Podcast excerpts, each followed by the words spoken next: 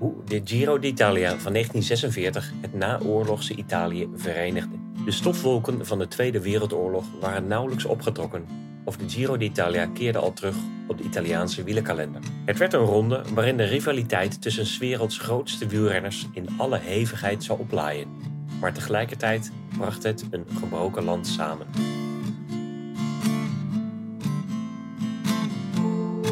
Welkom bij een nieuwe aflevering van Chronieken, een podcast met historische wielerverhalen van Eurosport. Aan de vooravond van een nieuwe Giro d'Italia gaan we terug naar de editie van 1946.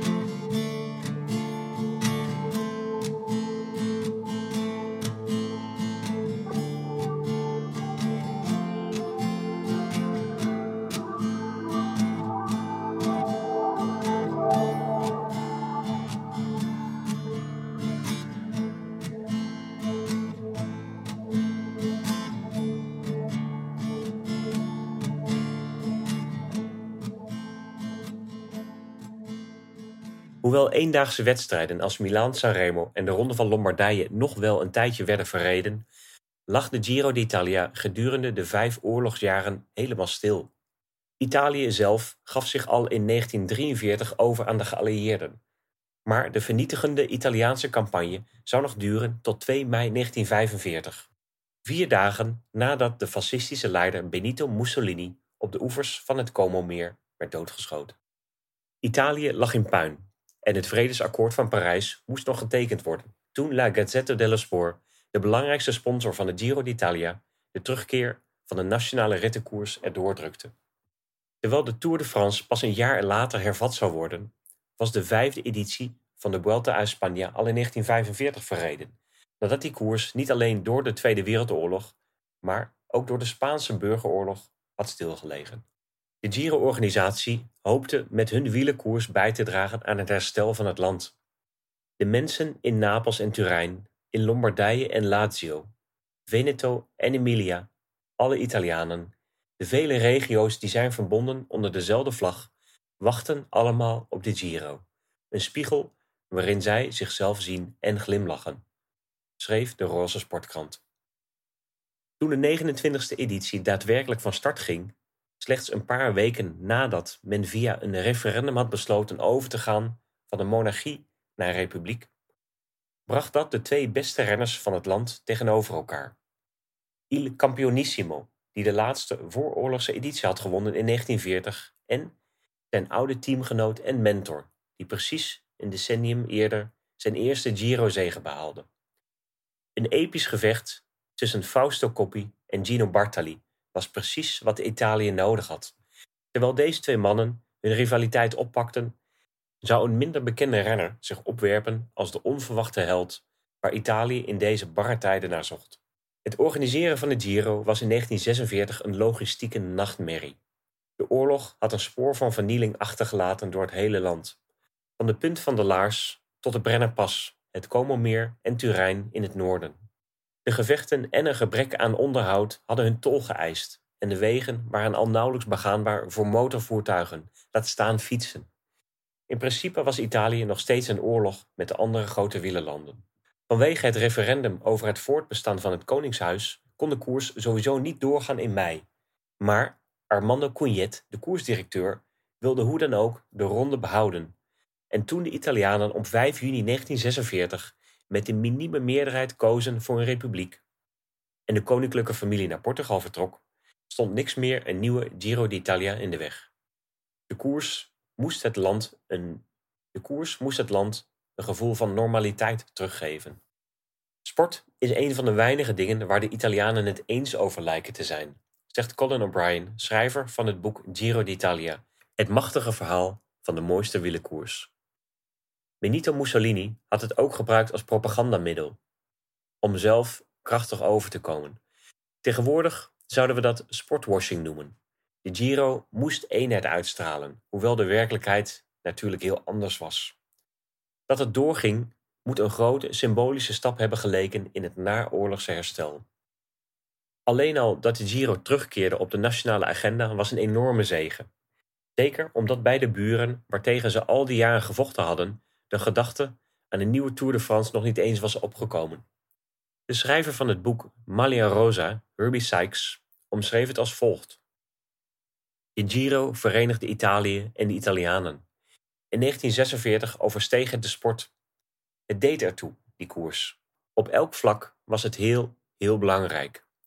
Alleen al dat hij verreden werd was belangrijk, want het land was vijf jaar lang in puin gestort.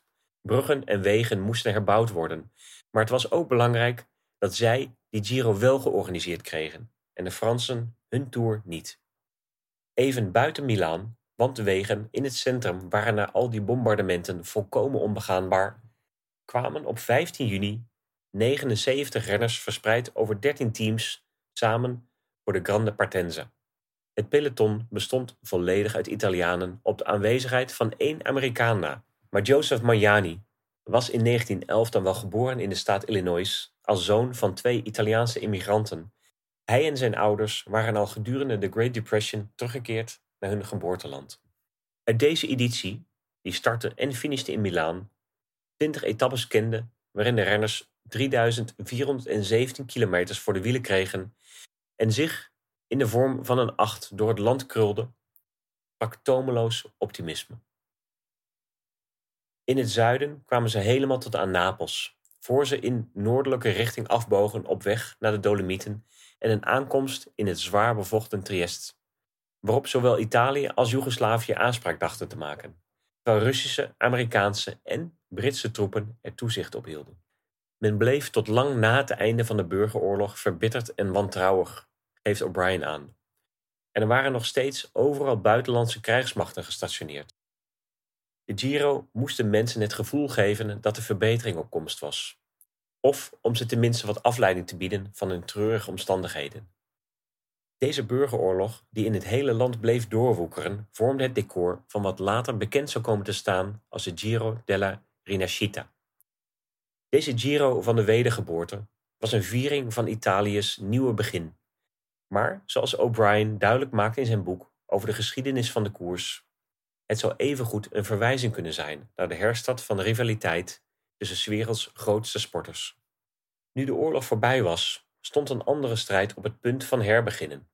En voor het eerst maakten de twee strijdende partijen geen deel meer uit van dezelfde ploeg.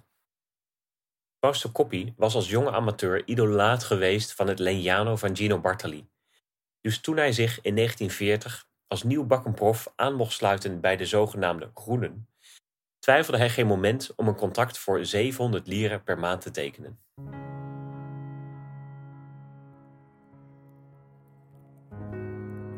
De hiërarchie binnen de ploeg schreef voor dat Coppi bij zijn Giro-debuut in 1940 als Gregario, knecht, in dienst moest rijden van Bartali.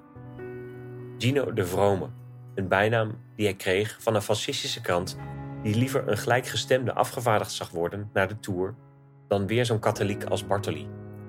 Had opeenvolgende eindzegers behaald in 1936 en 37 voordat hij als tweede Italiaan de Tour de France won in 1938.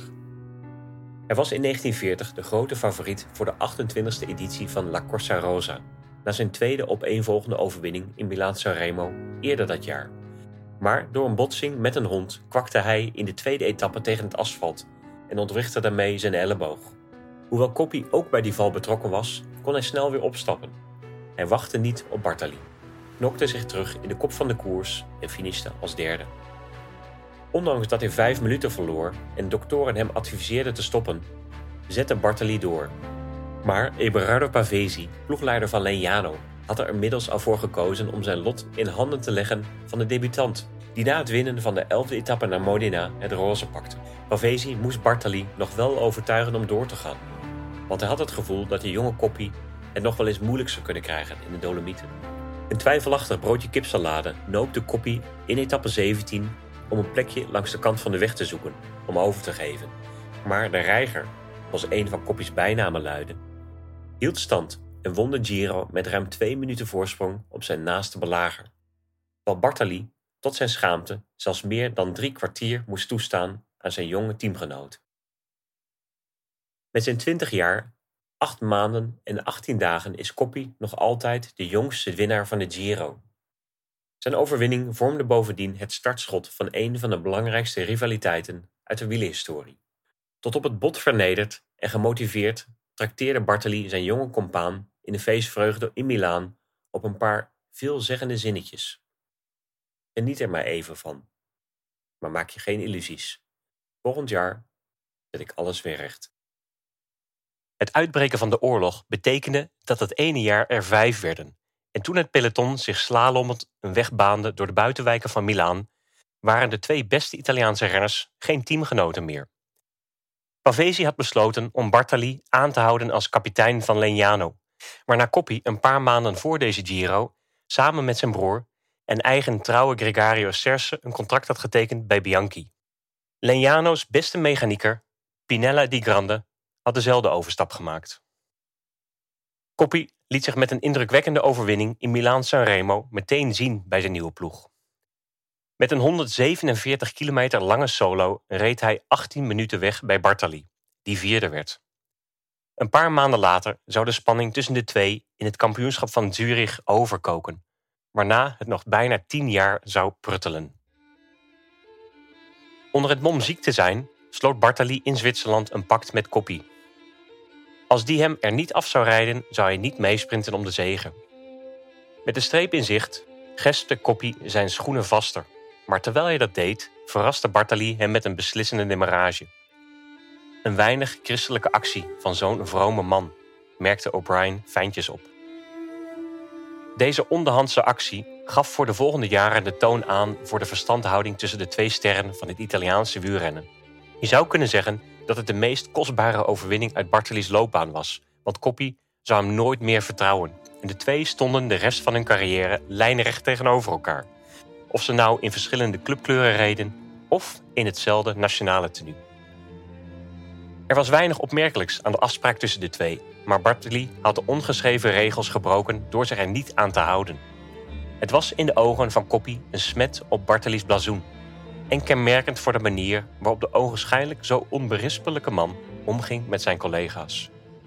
Waar lang niet iedereen die ik over Bartoli sprak even complimenteus over hem was, zo zegt Koppie's biograaf Herbie Sykes, was niemand negatief over Koppie. Het zijn inmiddels allemaal tachtigers en vaak zie je dat mensen met het verstrijken van de jaren zachter worden. Maar over Bartoli namen ze geen blad voor de mond. Veel mensen mochten hem gewoon niet, omdat hij niet eerlijk was. Hij was bovendien een slecht verliezer. Hij had altijd wel smoesjes, waarvan sommige wel erg zwak waren toen Gio Valetti hem versloeg in de Giro's van 1938 en 1939 nam hij dat ook niet sportief op. Maar zo was hij nou eenmaal. Wat dat betreft vergelijkt Sykes Bartali met Raymond Poulidor. De zogenaamde eeuwig tweede was ontzettend populair bij het Franse publiek, maar weinig geliefd in het peloton. Bartali had het voordeel dat deze naoorlogse Giro, waarmee hun rivaliteit nieuw leven werd ingeblazen, geen tijdritten bevatte. Koppie stak er in de strijd tegen de klok namelijk met kop en schouders bovenuit. In de eerste vier etappes konden de kanonnen hun kruid droog houden en ging de overwinning naar vroege vluchters. Antonio Bevilacqua, die vijf jaar later Parijs-Roubaix zou winnen, droeg drie dagen het roze na de eerste van de twee etappezeges. De vijfde etappe door de Apennijnen, die smiddags werd verreden na een korte ochtendetappe van zo'n 30 kilometer, beloofde het eerste duel tussen de twee tenoren te worden. En ondanks dat Koppie ten val kwam en daarbij een rib brak, slaagde hij erin zijn rivaal in de sprint te verslaan en zo de etappe te winnen. Maar de pijn zou hem de volgende dagen parten spelen. Het ging van kwaad tot erger voor Koppie, toen hij op de negende dag in een rit van 244 kilometer naar Napels een kapotte rem moest herstellen. Met zijn rivaal teruggeslagen door pech en naar verluid maagproblemen, zocht Bartali de aanval samen met zijn Legnano-ploeggenoot Mario Ricci, die uiteindelijk de rit zou winnen. Coppi was de etappe begonnen met 5 seconden achterstand op Bartali, maar die liep op tot bijna 4 minuten. Hij zou op het punt hebben gestaan om uit te stappen, maar werd overtuigd vol te houden door teamgenoot Adolfo Leoni, die hem geholpen had de verliezen te beperken.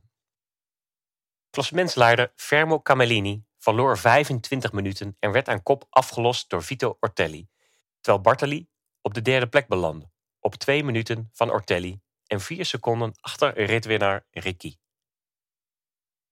Hoewel hij inmiddels een flinke voorsprong had op Coppi, was Bartali er verre van gerust op.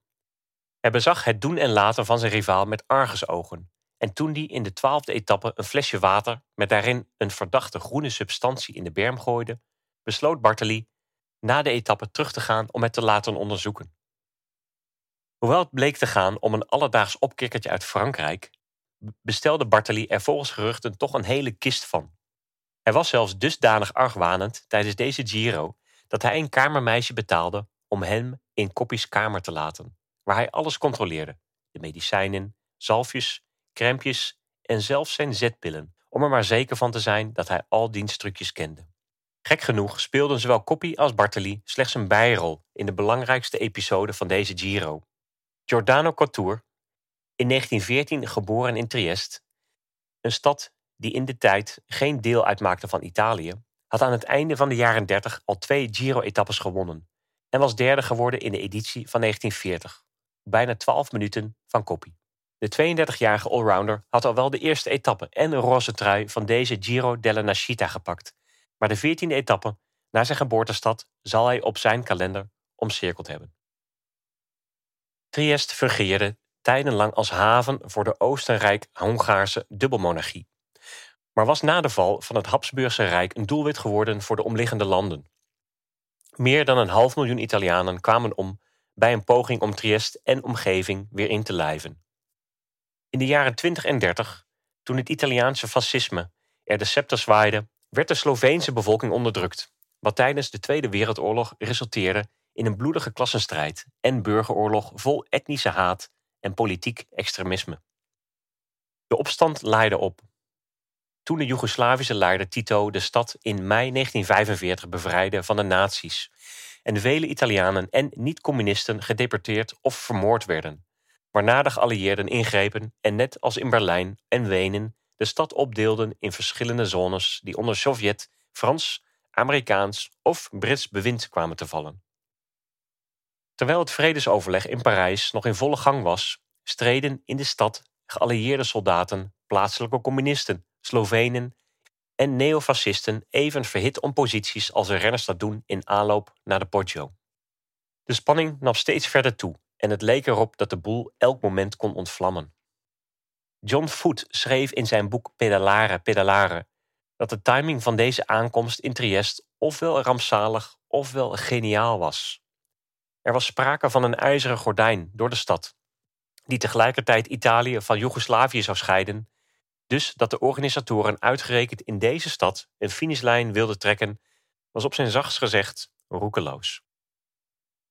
Met hulp van plaatselijke sponsoren werd onder de naam Willier Trestina een sterk team samengesteld. Couture, door voet omschreven als de beste Italiaanse renner die nooit de Giro won, was de kopman van de ploeg. Hij leerde zijn métier fietsend door de steile heuvels boven Triest op de fiets die zijn vader, een gewezen wielerkampioen, voor hem op maat gemaakt had. Toen Couture de openingsetappe won, zagen mensen dat als een antwoord op het nieuws dat de rit naar Triest zou worden geschrapt. Voet verwijst naar een verslag in de Corriere della Sera. Couture, een renner uit Triest, die op een in Triest gemaakte fiets rijdt voor een ploeg uit Triest, won de eerste etappe van de Giro d'Italia. Bij het solo binnenrijden van de wielerbaan in Turijn herkende het publiek hem en het applaus voor de winnaar werd een staande ovatie voor Triest. De viering van deze sportprestatie mondde uit in een gepassioneerde uiting van patriotisme. Dankzij het doorzettingsvermogen van één man die in het peloton zijn geboortestad wilde binnenrijden, werd mogelijk een etnische burgeroorlog voorkomen. Zodra de geallieerden ten elfde uren akkoord gingen met een finish in het bevochten gebied, leek de Giro de strijd gewonnen te hebben. Maar slechts 46 van de 79 renners begonnen aan de 228 kilometer lange rit richting Triest, waarbij ze allemaal een speciale pas moesten meenemen om door alle checkpoints te komen. Op zo'n 40 kilometer van de finish stuitten ze op een provisorische blokkade en Slavische rebellen die stenen naar ze gooiden. Zodra er schoten vielen, werd de etappe afgeblazen en braken er rellen uit in de stad. Waar Italianen misleidende berichten kregen over vermaar... waar Italianen misleidende berichten kregen over vermoorde renners. Het peloton kon niet tot overeenstemming komen. Een deel, aangevoerd door Couture, wilde per se door naar de haven. Na een heftige discussie werd besloten dat degene die koste wat kost naar Triest wilde rijden, dat zouden doen onder begeleiding van een gewapende escorte. Maar dat de etappe officieel werd geannuleerd en de uitslag geschrapt. Bartali en Koppie zaten begrijpelijkerwijs niet bij de 17 renners die in Amerikaanse militaire voertuigen naar de buitenwijken van Triest werden gereden. Vanaf daar konden de 17 zich opmaken voor een sprint om de eer en het prijzengeld. Na 7 kilometer langs de kust was het Couture die, uitstekend afgezet door zijn Billet Tristina-companen, aan het langste eind trok voor een uitzinnige menigte op de renbaan van Montebello. Couture werd binnengehaald als een oorlogsheld, een symbool van het Italiaanse Triest. Maar de komst van de Giro symboliseerde ook het einde van de oorlog en dat het normale leven eindelijk begon terug te keren, zelfs in deze betwiste regio, schreef Voet.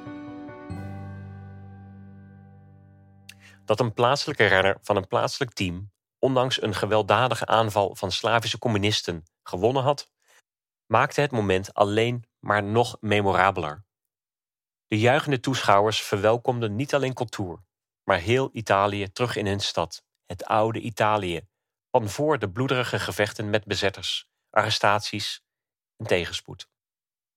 Terwijl Couture en zijn teamgenoten nog nagenoten, vertrokken Bartoli, Coppi en de rest van het peloton naar Udine, waarna de tweede rustdag de volgende rit zou starten.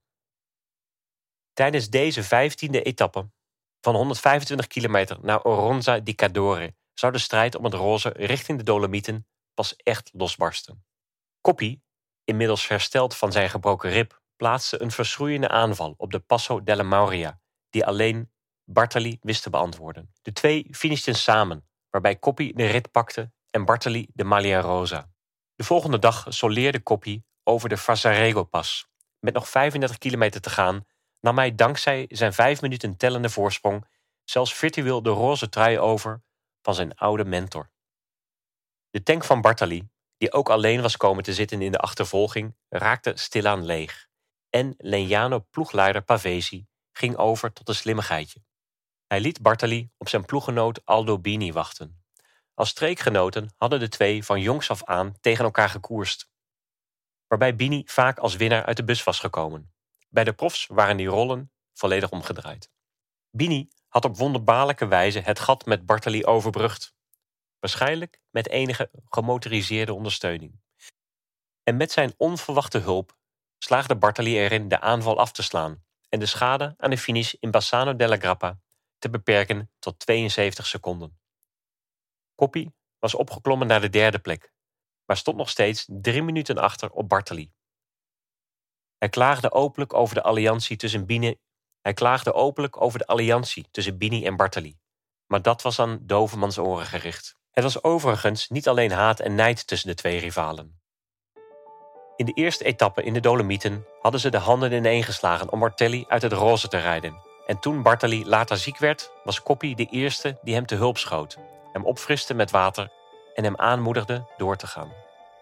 Het was allemaal theater, zoals we van die twee gewend zouden zijn. Net als dat iconische moment in de Tour van 1952, toen de strijdbel begraven leek te worden met de delen van een bidon op de Col d'Izoard. In etappe 17 naar Trento reed Bartali aanvankelijk voorop over de Passo Rolle. Maar richting het einde zakte hij er wat doorheen en moest uiteindelijk zelfs 9 seconden toestaan aan Coppi, die te weinig panache over had om Bartali echt het vuur aan de schenen te leggen. Met tijdbonussen kwam hij nog op 47 seconden van de leider, maar zonder noemenswaardige beklimmingen in de slotdagen het daarbij. Er was nog wel tijd om wat zout in Koppi's wonden te strooien. Al was hij daar zelf toch echt wel verantwoordelijk voor. Hij dacht in de slotetappe als winnaar over de streep te komen in de Arena van Milaan, waarmee hij op vier etappenzegers uit zou komen als lichte troost voor het mislopen van de eindoverwinning. Maar hij bleek een rondje te vroeg gejuicht te hebben en dus kon Oreste Conte zich in zijn plaats de prestigieuze overwinning toe-eigenen. Het was het passende slot van een Giro die Coppi met iets meer geluk had kunnen winnen. Die eer ging dus naar Bartoli, waren het erover eens dat de morele overwinning ging naar Giordano Couture. Na de laatste etappe kregen zowel hij als Bartali de Italiaanse driekleur om hun schouders geslagen en ook Couture mocht er een soort van eerronde mee maken. Dat ze in staat waren om zo kort na de oorlog een Giro te organiseren was heel betekenisvol, zegt koppie-biograaf Sykes. En bovendien kwam in deze Giro de echte rivaliteit tussen die twee tot leven. Achteraf was Triest natuurlijk het middelpunt van die ronde van de wedergeboorte. Maar de einduitslag was een psychologische overwinning van de meester op zijn opstandige leerling. Bartali had misschien nog mooiere zegens in het verschiet, maar dit was de eerste en laatste keer dat hij Koppie in een rechtstreeks duel in een rittenkoers versloeg. Zes jaar nadat hij door die kleine debutant in verlegenheid was gebracht, had Gino de Vrome zijn vergelding. Amen.